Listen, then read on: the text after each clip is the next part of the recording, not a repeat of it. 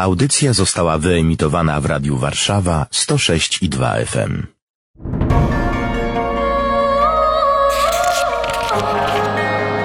Księga. Księga. Księga.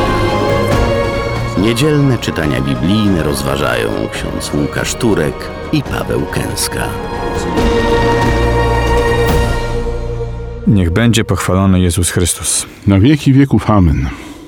Spośród wszystkich określeń, jakie można by zastosować do bycia katolikiem, bycia chrześcijaninem, być może najbardziej pasuje określenie sługi czy ucznia. No, uczeń to się uczy, a sługa służy, to może jest różnica. Zdecydowanie. Myślę, że bardziej pasuje do nas jednak y, słowo uczeń. Od samego Chrztu Świętego jesteśmy uczniami Pana Jezusa, mamy w tą rolę wchodzić. Jesteśmy powołani do tego, by od Niego się uczyć, jak żyć, jak stawać się świętymi, jak być podobnymi do Niego. Przychodzimy, a potem On nas posyła jako swoich uczniów. A co z tym byciem sługą? Jest to forma sprawowania władzy w Kościele, której wzór doskonały dał nam Pan Jezus, mówiąc, ja jestem między wami jak ten, który służy. My mamy też służyć, mamy sobie służyć nawzajem. Jest to sposób okazywania drugim miłości, troski o nich. Czyli nie stawianie się na pierwszym miejscu, nie przysłaniania Pana Jezusa, tylko e, Jemu dawanie pierwszeństwa. Dziś niedziela palmowa, niedziela chwały i dramatu. Będziemy mówili o tym, co to znaczy być uczniem, bo uczniowie rozproszyli się w ciemnościach we wszystkie strony. Chociaż wchodzili razem z triumfalnym Jezusem do Jerozolimy, będziemy też mówili o tym, co to znaczy być e, sługą. To wszystko nasze drogi, drogi chrześcijan. A zaczynamy od czytania z księgi proroka Izajasza, rozdział 50, wersy od 4 do 7.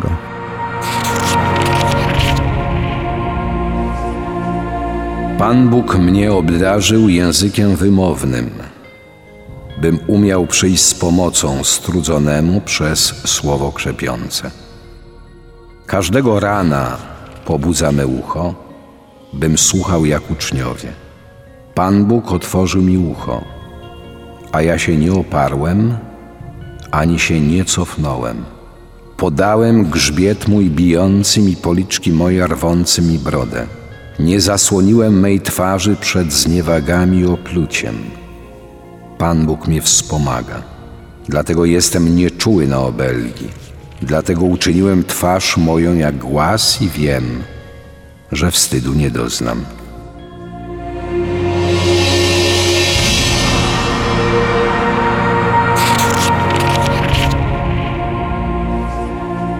Te słowa Izajasza nazywa się pieśnią o cierpiącym słudze Jahwe. Sługa cierpi. Każdy cierpi. Wszyscy cierpią. Prorok cierpi. My dzisiaj te słowa odczytujemy w kontekście mesjańskim, że one mówią o Jezusie, o Jego posłannictwie, o Jego męce, o Jego poświęceniu, o sposobie, w jaki tą swoją misję wypełnił do końca, tak? Dają nam nawet takie szczegóły Jego męki i śmierci. Natomiast Izajasz tak naprawdę w pierwszej kolejności mówi o sobie, o swoim posłannictwie, o swojej drodze, o swoim powołaniu, do tego, żeby być uczniem, uczniem Boga i Jego prorokiem, przez Niego posłanym, przez Niego wybranym, namaszczonym, wyposażonym i posłanym. I zadaniem tego proroka jest nieść słowo, które ma nieść pokrzypienie innym ludziom, dawać pokrzypienie, dodawać sił, podnosić z nędzy, z upadku, do, przywracać nadzieję, tak, umacniać. Ale bycie sługą i bycie prorokiem, bycie uczniem Boga w tym świecie nigdy nie jest proste. Zawsze jest to naznaczone, zawsze jest to związane z cierpieniem. I myślę, że można sobie w ten sposób powiedzieć, że to cierpienie jest nieuniknione, że ta droga y, ucznia pańskiego, droga też sługi Boga, to jest droga krzyża. To jest droga zgodzenia się na to, że to posłannictwo, które wypełniam wobec świata, to moje świadectwo, nie będzie zawsze przyjmowane tak, jakbym tego oczekiwał że słowo, które będę dawał, głosił, też nie zawsze będzie znajdowało posłuch. Zanim będę je głosił, to wpierw je biorę. Tu jest napisane: Każdego rana pobudza me ucho, bym słuchał jak uczniowie. Jeśli to jest sługa, który już jako prorok wykonuje i wykonał wielką pracę i narażał życie dla Boga, no to ciągle jest uczniem. Nie wychodzi w ogóle z tej roli. I tak będzie do końca jego życia, i tak będzie do końca życia każdego z nas. I to warto sobie dzisiaj też uświadomić. Czy nie ma takiego momentu, kiedy powiem sobie, że już teraz jestem nauczony, skończyłem kurs alfa, beta, gamma i delta i mogę iść głosić Tak samo jak nigdy nie będzie momentu, w którym powiem, że jestem nawrócony do końca, jestem święty i mogę, prawda, teraz tylko i wyłącznie od tego kuponu odcinać. Nie, zawsze muszę być w relacji z Jezusem, zawsze muszę być w relacji z Bogiem, otwarty na to, czego On ode mnie oczekuje, ponieważ nieustannie mnie posyła na nowo i nieustannie mnie uczy, w jaki sposób mam wypełnić moje posłannictwo, moją misję, w jaki sposób mam stawać się podobnym do Niego, w jaki sposób mam być Jego świadkiem i dojść do świętości. I stąd właśnie to jest to y, pobudzanie każdego ranka. Każdego ranka pobudza me ucho, bym słuchał. Tylko i wyłącznie w ten sposób można, można się nauczyć, słuchając. I to ucho nastawione na słuchanie, ten odbiornik we mnie musi być wyregulowany na te fale, na których Pan Bóg nadaje. Czyli musi być między mną a nim jedność. Musi być między mną a nim ten strumień łaski, którym będzie przepływało do mnie Jego słowo, Jego miłość, Jego prawda, Jego duch. Pan Bóg otworzył mi ucho, to jest jedno, a ja się nie oparłem. A można pomyśleć, Pan Bóg otworzył mi ucho, a ja się oparłem i się cofnąłem. Znamy to, prawda? Z autopsji. Bo Pan Bóg często mówi nam rzeczy, których niestety nie chcemy usłyszeć, które nie są łatwe, przyjemne, e, które nie, nie są zaproszeniem do tego, żebym szedł e, po najniższej linii oporu, ale często są zaproszeniem do tego, żebym przekraczał siebie, żebym płynął pod prąd, e, żebym podejmował nowe wyzwania żebym poszedł tam, gdzie wcale nie chcę iść, żebym powiedział to, czego wcale nie chcę powiedzieć. I dlatego to jest bolesne. No. Ale jeżeli otworzę ucho i nie cofnę się, bo nie cofnę się, to już jest jakiś rodzaj zaangażowania. No, cofnąć się, czyli nie wchodzę w interakcję. Jeśli wchodzę w interakcję, coś za tym idzie. Co za tym idzie? Podałem grzbiet mój bijącym i policzki rwącym mi brodę. Nie tylko poszedłem głosić i wygrałem e, na wielkim targowisku idei, tylko podałem grzbiet mój bijącym. Co to znaczy w ogóle w tym kontekście? Co to jest za nauka? Uczeń od razu obrywa. Może nie od razu, ale obrywa. Święty Paweł pisząc o tym do swojego Tymoteusza, ucznia, mówi weź udział w trudach i przeciwnościach znoszonych dla Ewangelii. Jeżeli nie oprę się temu słowu, jeżeli pójdę za słowem, to godzę się na to, że mogą przyjść różnego rodzaju doświadczenia. Że to słowo, które będę niósł, będzie domagało się ode mnie mojego osobistego świadectwa. Być może potwierdzenia tego też jakimś własnym cierpieniem, być może jakimś prześladowaniem, tak? Włącznie z tym, o czym tutaj prorok Izajasz nam mówi, co było jego osobistym doświadczeniem. Bycia odrzuconym, bycia odepchniętym, bycia podeptanym, być może właśnie zranionym, pobitym, zelżonym, pozbawionym własnej godności, ponieważ Bóg posyłając mnie jako swojego proroka, jako swojego ucznia, jako swojego sługę, chce, żeby przez to moje posłannictwo wypełniło się to, co On zamierzył. Ja bardzo często mogę nie wiedzieć w tym momencie, co On zamierzył, do czego to wszystko prowadzi. Mogę też nie rozumieć, dlaczego Pan Bóg dopuszcza na mnie tego rodzaju doświadczenia. Ale nic nie dzieje się bez Jego opatrzności i nic nie dzieje się bez jego stałego towarzyszenia mi w tej drodze dawania o nim świadectwa, głoszenia nauki. Tu jest mowa o wstydzie i to jest bardzo ciekawe, ponieważ to, e, ponieważ to poddanie grzbietu bijącym, policzków rwącym brodę, twarzy przed zniewagami i opluciem kojarzy się ze wstydem. Ktoś może na mnie pluć, ktoś może mnie bić i wtedy tak sobie wyobrażam, pewnie byłoby mi strasznie wstyd, stojąc pośrodku tłumu. A tu jest napisane wstydu nie doznam. To wstrząsające zupełnie w dzisiejszym świecie. Po ludzku się wydaje wręcz, to bym powiedział, niewyobrażalne. Nie wiem, czy ktoś z nas chciałby stanąć w tego rodzaju sytuacji. Tak? Jak Jezus na przykład opluwany. Jak na przykład Jezus, no to już jest y, przykład najbardziej wstrząsający. Pan Jezus przygotowywał nas na to, że nie może być uczeń nadmistrza, że Jego prześladowali, to i nas będą prześladowali to są bardzo trudne rzeczy i myślę, że właśnie stawanie w tego rodzaju rzeczywistości jest po ludzku bardzo ciężkie, ale z drugiej strony zniesienie czegoś takiego z godnością, właśnie z taką godnością, jaką Jezus przyjął na siebie tego rodzaju doświadczenie, które w tych dniach rozważamy, przeżywać będziemy, jest możliwe tylko i wyłącznie dzięki zakorzenieniu się w Bogu, zakorzenieniu się w relacji z Ojcem, w naszym przypadku zakorzenieniu się w relacji z Jezusem. Tylko On może dać mi siłę do tego, żeby nieść ten krzyż bycia Jego uczniem, bycia Jego świadkiem wobec takich okrutnych prześladowań. Myślę, że tutaj cały poczet świętych męczenników jest takim przykładem ludzi, którzy potrafili to zrobić. Chociażby ci, prawda, naszych czasów, chociażby ksiądz Popiełuszko, o którym tutaj dość często mówimy. on tylko i wyłącznie dzięki zakorzenieniu w Jezusie, mając świadomość tego wszystkiego, co może go spotkać, przeczuwając też męczeństwo, mógł wyjść naprzeciw temu e, z godnością, z odwagą, z pokojem w sercu. Jezus nie był uczniem, ale był sługą. I to jest niesłychane. Bóg Stworzyciel. Za chwilę o tym byciu sługą Jezusa powiemy.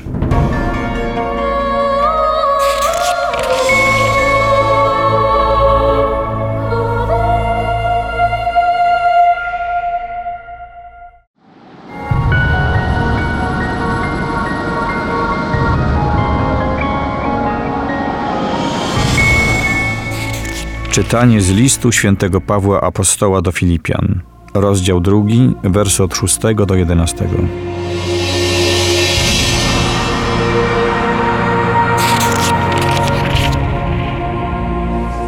Chrystus Jezus, istniejąc w postaci Bożej, nie skorzystał ze sposobności, aby na równi być z Bogiem, lecz ogołocił samego siebie, przyjąwszy postać sługi, stawszy się podobnym do ludzi, a w tym, co zewnętrzne, uznany za człowieka. Uniżył samego siebie, stawszy się posłusznym aż do śmierci i to śmierci krzyżowej. Dlatego też Bóg wywyższył go nad wszystko i darował mu imię ponad wszelkie imię, aby na imię Jezusa zgięło się każde kolano istot niebieskich i ziemskich i podziemnych, i aby wszelki język wyznał, że Jezus Chrystus jest Panem ku chwale Boga Ojca.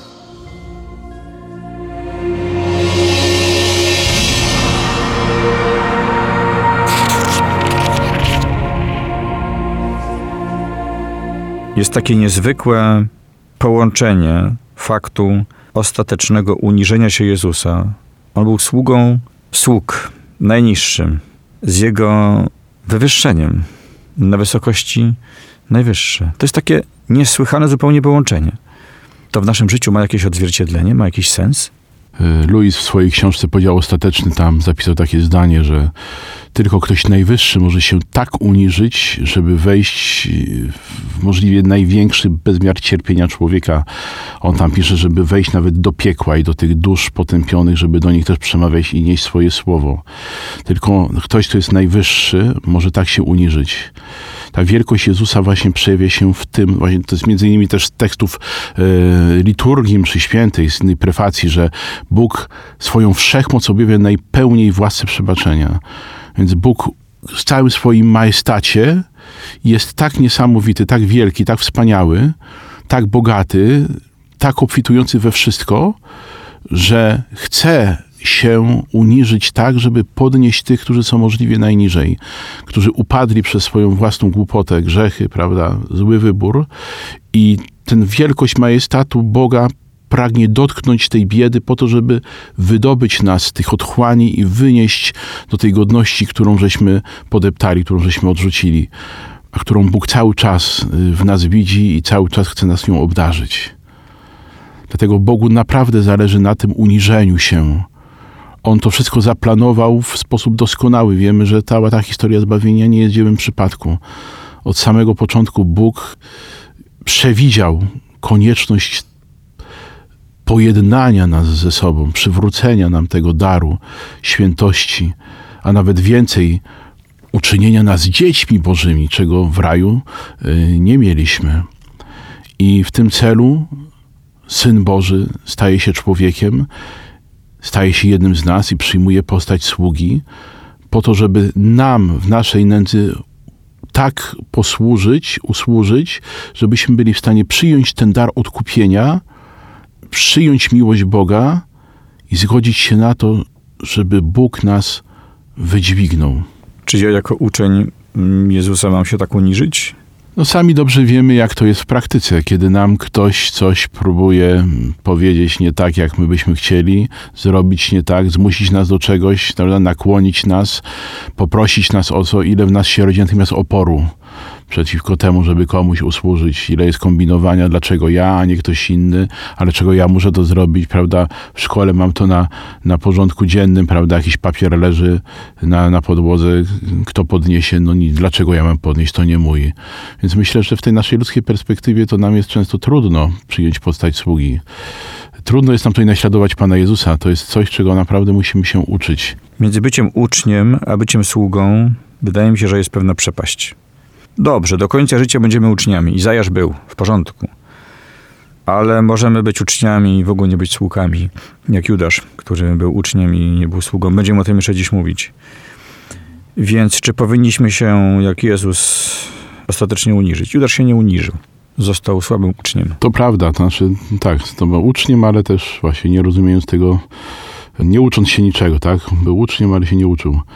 My możemy... Nie przyszedł tej próby po prostu. Tak.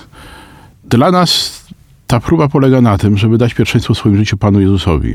I, czyli uczynić Go Panem i Zbawicielem swojego życia, posadzić Go na tronie swojego życia i zdecydować się na to, żeby usiąść u Jego podnóżka, tak, u stóp, czyli w pozycji, postawie sługi. Tego, który słucha jest uczniem, ale który także służy, jest gotowy wypełnić to, czego Pan Bóg ode mnie chce, czego Jezus ode mnie chce. Pójść tam, dokąd mnie posyła. I tutaj naprawdę rzeczywiście zrezygnowanie ze swojego ego, ze swojego ja, poddanie swojego ja panowaniu Jezusa i uznanie z góry, że On wie lepiej, co jest dla mnie dobre, że Jego plan, Jego postrzeganie mojego życia jest o wiele pełniejsze i doskonalsze, no samo, dosko, samo, samo sobie jest doskonałe, czyli nic nie umyka jego, jego poznaniu i on najlepiej wie, jakimi drogami mam je poprowadzić i wie najlepiej, co będzie dla mnie dobre. E, nawet e, kiedy ja aktualnie zupełnie tego nie rozumiem, tak? I też nie wiem, dlaczego takimi, a nie innymi drogami Pan Bóg mnie prowadzi jeżeli uznam to, że on jest pierwszy, że on wie, a ja chcę słuchać, no tylko wtedy jestem w stanie całkowicie podporządkować mu swoje życie. Jeżeli się nie uniżę, to nie będę w stanie powiedzieć, że Jezus Chrystus jest Panem ku chwale Boga Ojca? To jest tak napisane. Nie będę w stanie nadać temu takiego osobistego charakteru. Ja być może intelektualnie byłbym w stanie powiedzieć, uznać, że gdzieś tam Pan Jezus jest Panem ku chwale Boga Ojca, ale czy jest moim Panem? Czy jest moim Zbawicielem? Czy, czy to ma odniesienie do mojego życia, tak? Czy ja przeżywam siebie w relacji do Niego jako tego, który jest Jego uczniem, jest Jego sługą, jest od Niego zależny? Ja ufam mu całkowicie, prawda, widząc jego potęgę, jego wspaniałość, jego majestat, jego miłość i doświadczam w swoim życiu, że on jest Panem ku chwale Boga Ojca, ponieważ on mi tą chwałę przywraca, on mi tą chwałą swoją e, przyozdabia, tak, umacnia, uzdrawia. I y, kiedy ja doświadczam tej Jego chwały i majestatu, uznaję w swoim życiu, to, no to zgina się przed Nim moje kolano. To ja to uznaję y, coraz bardziej, coraz mocniej, podporządkowując temu wszystko to, co robię. Nie dlatego, że czuję się niewolnikiem, tylko dlatego, że widzę, że, że to jest dobre, że Bóg wie lepiej. I skoro zaprasza mnie do, do przyjaźni ze sobą, do, do takiej drogi, to, to warto jest tą drogą iść. I tą drogą będziemy starali się iść w Ewangelii, który fragment przeczytamy za chwilę.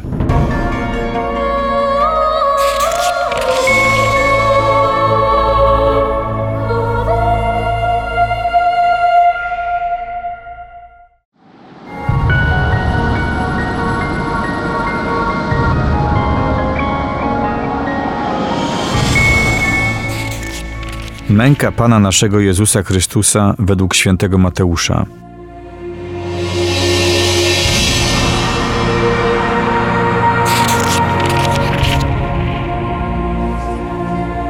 Jezusa postawiono przed namiestnikiem. Namiestnik zadał mu pytanie: Czy ty jesteś królem żydowskim? Jezus odpowiedział: Tak, ja nim jestem. A gdy go oskarżali arcykapłani i starsi, nic nie odpowiadał. Wtedy zapytał go Piłat: Nie słyszysz, jak wiele zeznają przeciw tobie? On jednak nie odpowiedział mu na żadne pytanie, tak, że namiestnik bardzo się dziwił. A na każde święto namiestnik miał zwyczaj uwalniać jednego więźnia, którego chcieli. Trzymano zaś wtedy znacznego więźnia, imieniem Barabasz. Gdy się więc zgromadzili, spytał ich Piłat, którego chcecie, żebym wam uwolnił? Barabasza czy Jezusa zwanego Mesjaszem? Wiedział bowiem, że przez zawiść go wydali. A gdy on odbywał przewód sądowy, żona jego przysłała mu ostrzeżenie. Nie miej nic do czynienia z tym sprawiedliwym, bo dzisiaj we śnie wiele nacierpiałam się z jego powodu. Tymczasem arcykapłani starsi namówili tłumy, żeby żądały Barabasza, a domagały się śmierci Jezusa. Pytał ich namiestnik, którego z tych dwóch chcecie, żebym wam uwolnił? Odpowiedzieli Barabasza. Rzekł do nich Piłat, cóż więc mam uczynić z Jezusem, którego nazywają Mesjaszem? Zawołali wszyscy, na krzyż z nim. Namiestnik powiedział, cóż właściwie złego uczynił? Lecz oni jeszcze głośniej krzyczeli, na krzyż z nim. Piłat, widząc, że nic nie osiąga, a wzburzenie raczej narasta, wziął wodę i umył ręce wobec tłumu, mówiąc: Nie jestem winny krwi tego sprawiedliwego. To wasza rzecz. A cały lud zawołał: Krew jego na nas i na dzieci nasze. Wówczas uwolnił im Barabasza, a Jezusa kazał ubiczować i wydał na ukrzyżowanie. Wtedy żołnierze namiestnika zabrali Jezusa z sobą do pretorium i zgromadzili koło niego całą kohortę. Rozebrali go z szat i narzucili na niego płaszcz szkarłatny. Uplótłszy wieniec z ciernia, włożyli mu na głowę, a do prawej ręki dali mu trzcinę. Potem przyklękali przed nim i szydzili z niego, mówiąc: Witaj, królu żydowski. Przy tym pluli na niego, brali trzcinę i bili go po głowie. A gdy go wyszydzili, zdjęli z niego płaszcz, włożyli na niego własne jego szaty i odprowadzili go na ukrzyżowanie. Wychodząc, spotkali pewnego człowieka z Cyreny imieniem Szymon. Tego przymusili, żeby niósł krzyż jego. Gdy przyszli na miejsce zwane Golgotą, to znaczy miejscem czaszki, dali mu pić wino zaprawione goryczą. Skosztował, ale nie chciał pić. Gdy go ukrzyżowali, rozdzielili między siebie jego szaty, rzucając o nie losy. I siedząc tam, pilnowali go. A nad głową jego umieścili napis z podaniem jego winy. To jest Jezus, król żydowski. Wtedy też ukrzyżowano z nim dwóch złoczyńców, jednego po prawej, drugiego po lewej stronie. Ci zaś, którzy przechodzili obok, przeklinali go i potrząsali głowami, mówiąc: Ty, który burzysz przybytek i w trzy dni go odbudowujesz. Wybaw sam siebie. Jeśli jesteś synem Bożym, zejdź z krzyża. Podobnie arcykapłani wraz z uczonymi w piśmie i starszymi szydząc powtarzali: Innych wybawiał, siebie nie może wybawić. Jest królem Izraela. Niechże teraz zejdzie z krzyża, a uwierzymy w niego. Zaufał Bogu, niechże go teraz wybawi, jeśli go miłuje. Przecież powiedział: Jestem synem Bożym. Tak samo leżeli go i złoczyńcy, którzy byli z nim ukrzyżowani. Od godziny szóstej mrok ogarnął całą ziemię aż do godziny dziewiątej. Około godziny dziewiątej Jezus zawołał donośnym głosem Eli, Eli, lema sabachtani. To znaczy, Boże mój, Boże mój, czemuś mnie opuścił? Słysząc to, niektórzy ze stojących tam mówili, on Eliasza woła. Zaraz też jeden z nich pobiegł i wziąwszy gąbkę, nasączył ją octem, umocował na trzcinie i dawał mu pić. Lecz inni mówili, zostaw, popatrzmy, czy nadejdzie Eliasz, aby go wybawić. A Jezus raz jeszcze zawołał donośnym głosem i oddał ducha. A oto zasłona przybytku rozdarła się na dwoje z góry na dół. Ziemia zadrżała i skały zaczęły pękać. Groby się otworzyły i wiele ciał świętych, którzy umarli, powstało. I wyszedłszy z grobów po jego zmartwychwstaniu, weszli do miasta świętego i ukazali się wielu. Setnik zaś i jego ludzie, którzy trzymali straż przy Jezusie, widząc trzęsienie ziemi i to, co się działo, zlękli się bardzo i mówili: Prawdziwie, ten był synem Bożym.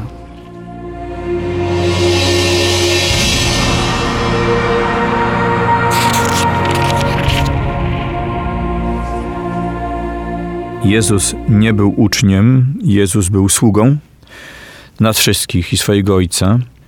I w tych słowach bardzo wyraźnie widać, aż kuje w uszy jego milczenie. Po prostu z nimi nie rozmawia. On świadczy. Daje świadectwo nieskończonej miłości Ojca do każdego z nas, do całego stworzenia, do każdego człowieka, do mnie i do Ciebie. Daje świadectwo uniżenia się aż do końca, ofiarowania swojego życia z miłości do końca. Całkowite poddanie się woli Ojca, zdanie się na to, co On przewidział dla Niego, a przez Niego, co przewidział dla nas. Tutaj rzeczywiście już nie ma czasu na żadne nauczania, żadne słowa. Jeszcze w niektórych wersjach Ewangelii jest ten moment, kiedy Jezus jeszcze na krzyżu okazuje miłosierdzie jednemu z tych e, współwiszących ze sobą. W tej wersji Ewangelii jest powiedziane, że obaj leżeli z Niego.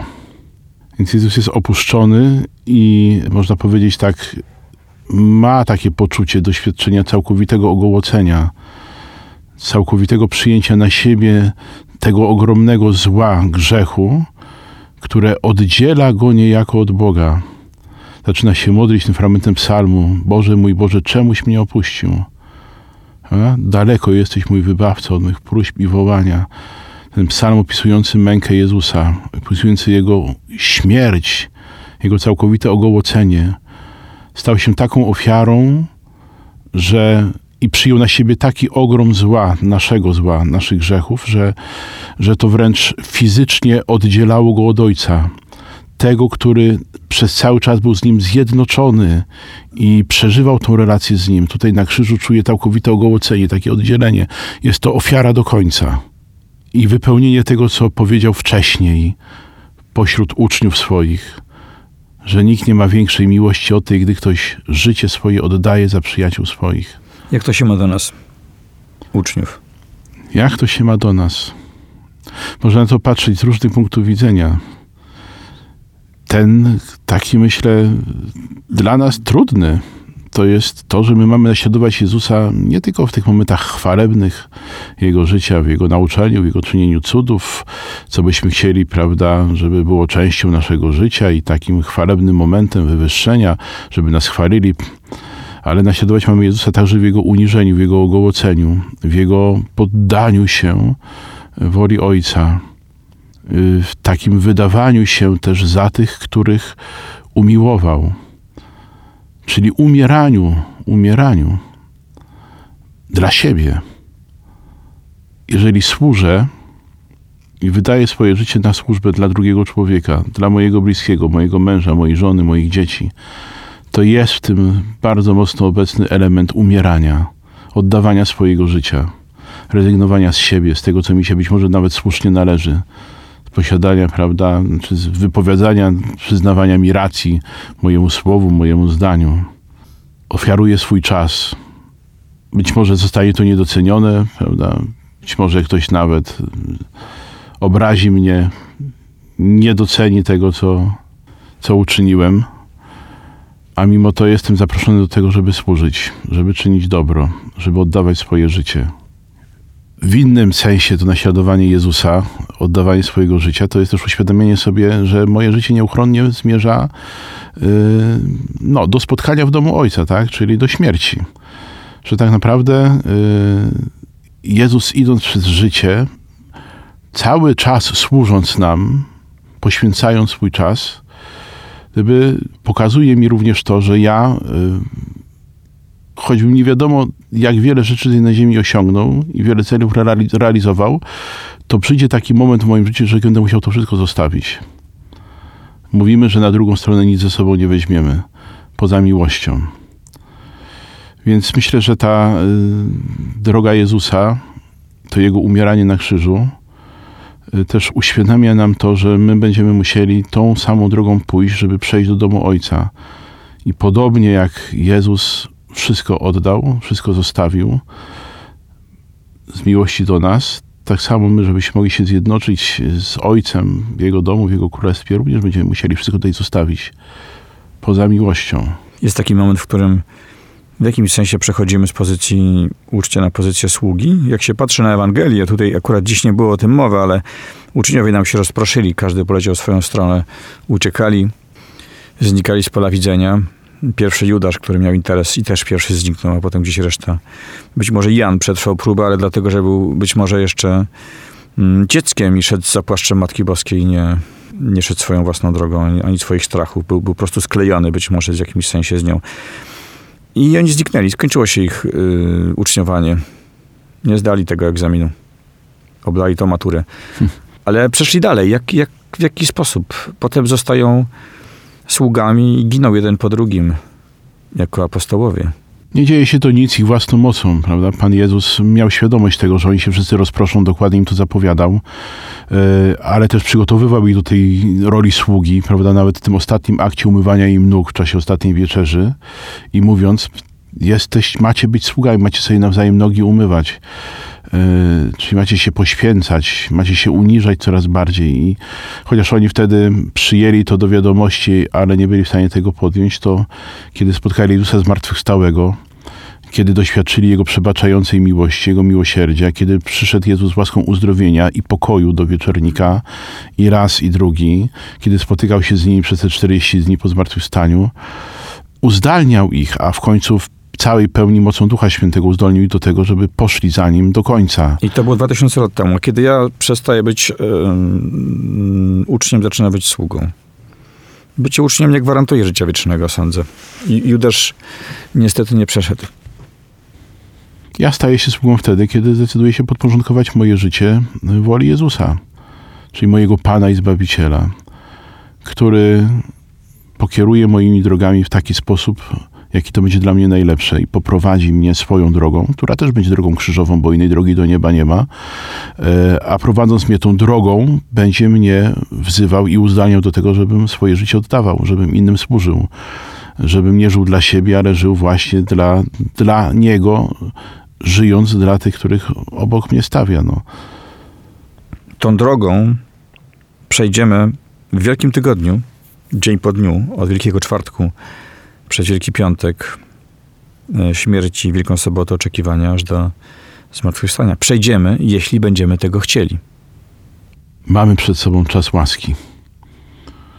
Otwórzmy swoje serce na to zaproszenie, które Pan Bóg nam daje. Wejdźmy w tą tajemnicę Wielkiego Tygodnia, w liturgię Wielkiego Tygodnia i poprośmy Jezusa o to, żeby nas poprowadził i żeby nam pokazał, co to znaczy być Jego uczniem i co to znaczy stawać się także sługą Jego i wszystkich tych, do których On nas posyła. Za uwagę dziękuję Państwu. Ksiądz Łukasz Turek i Paweł Kęska. Księga.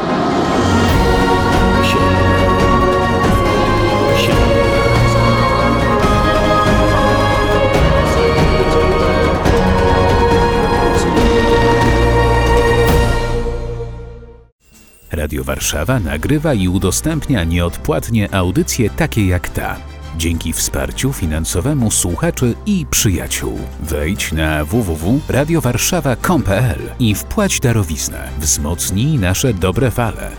Dziękujemy.